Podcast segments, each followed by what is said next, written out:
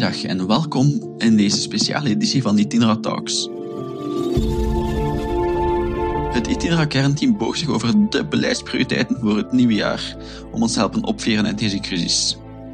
Mijn naam is Simon Giotto, fellow bij de Denktank Itinera, en vandaag heb ik het over de arbeidsmarkt.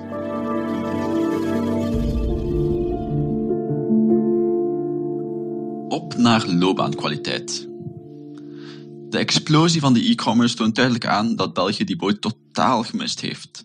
We profileren ons nog steeds als logistieke hub, maar de grote investeringen van de e-commerce liggen vlak over de Duitse en Nederlandse grens.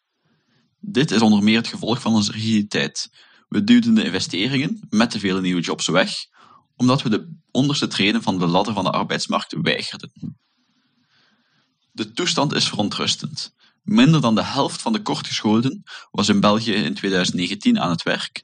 Geen enkel land van de EU15 scoort slechter volgens Eurostat.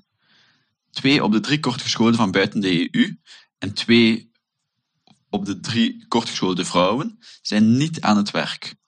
Bij de kortgeschoolde vrouwen van buiten de EU heeft zelfs 4 op 5 geen job. Onze werkloosheidsgraad ligt lager dan het OESO-gemiddelde, maar we hebben zes keer meer inactieven in de beroepsactieve leeftijd, wat fors boven het OESO-gemiddelde ligt. En dit zijn dan nog cijfers van voor de coronacrisis. Waarom is er geen kortgeschoolde arbeid voor onze kortgeschoolde bevolking?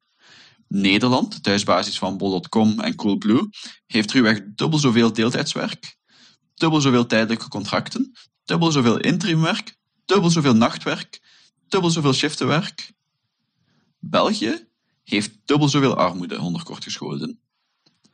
We missen een leger aan inactieven die inkomensvervangende uitkeringen genieten, leefloon of uitkeringen voor werkloosheid, ziekte, invaliditeit, maar niet bijdragen tot de financiering van die uitgaven.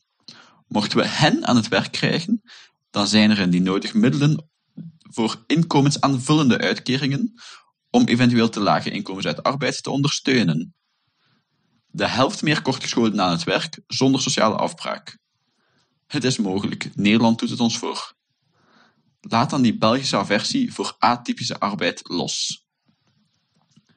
Het regeerakkoord verwijst vaak naar de sociale partners, ook om de nieuwe arbeidsmarktstrategie te bepalen. Dit is emblematisch voor de grote rol van het sociaal overleg. Dat is sterk gecentraliseerd en heeft beperkte bewegingsvrijheid op bedrijfsniveau. Veel werknemers en werkgeversstemmen stellen vast dat het overlegklimaat op bedrijfsniveau, waar men elkaar goed kent en de vraagstukken zichtbaar zijn, goed rendeert. Het dagelijks contract draagt daartoe bij.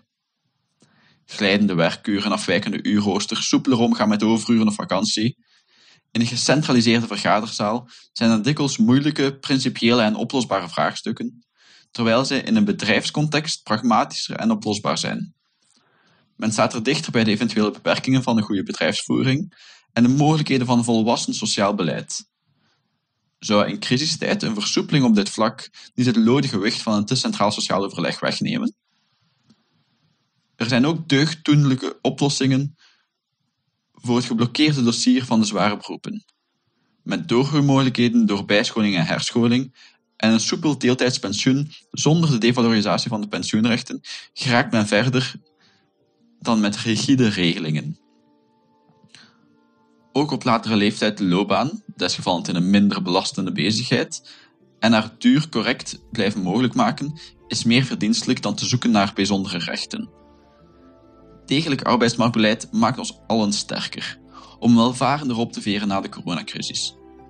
Vooral de kansgroepen die nu te weinig participeren aan onze arbeidsmarkt, winnen direct wanneer we de focus richten op loopbaankwaliteit en de rigiditeit rond die ene job overstijgen. Dat komt die groepen echt tegemoet. We hebben een morele plicht naar die groepen, maar het is ook een economische en maatschappelijke noodzaak die helpt de sociale zekerheid betaalbaar te houden. Het is goed dat de regering een concrete ambitie formuleert naar 80% werkgelegenheidsgraad. We onderhouden 10% meer inactieven dan landen die beter presteren. Solide reactivering vergt een offensief beleid.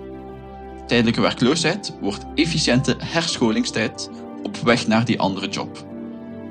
De landen die daar beter in presteren, zoals Nederland en Duitsland, stellen omgerekend vlot 600.000 mensen meer aan het werk dan ons land.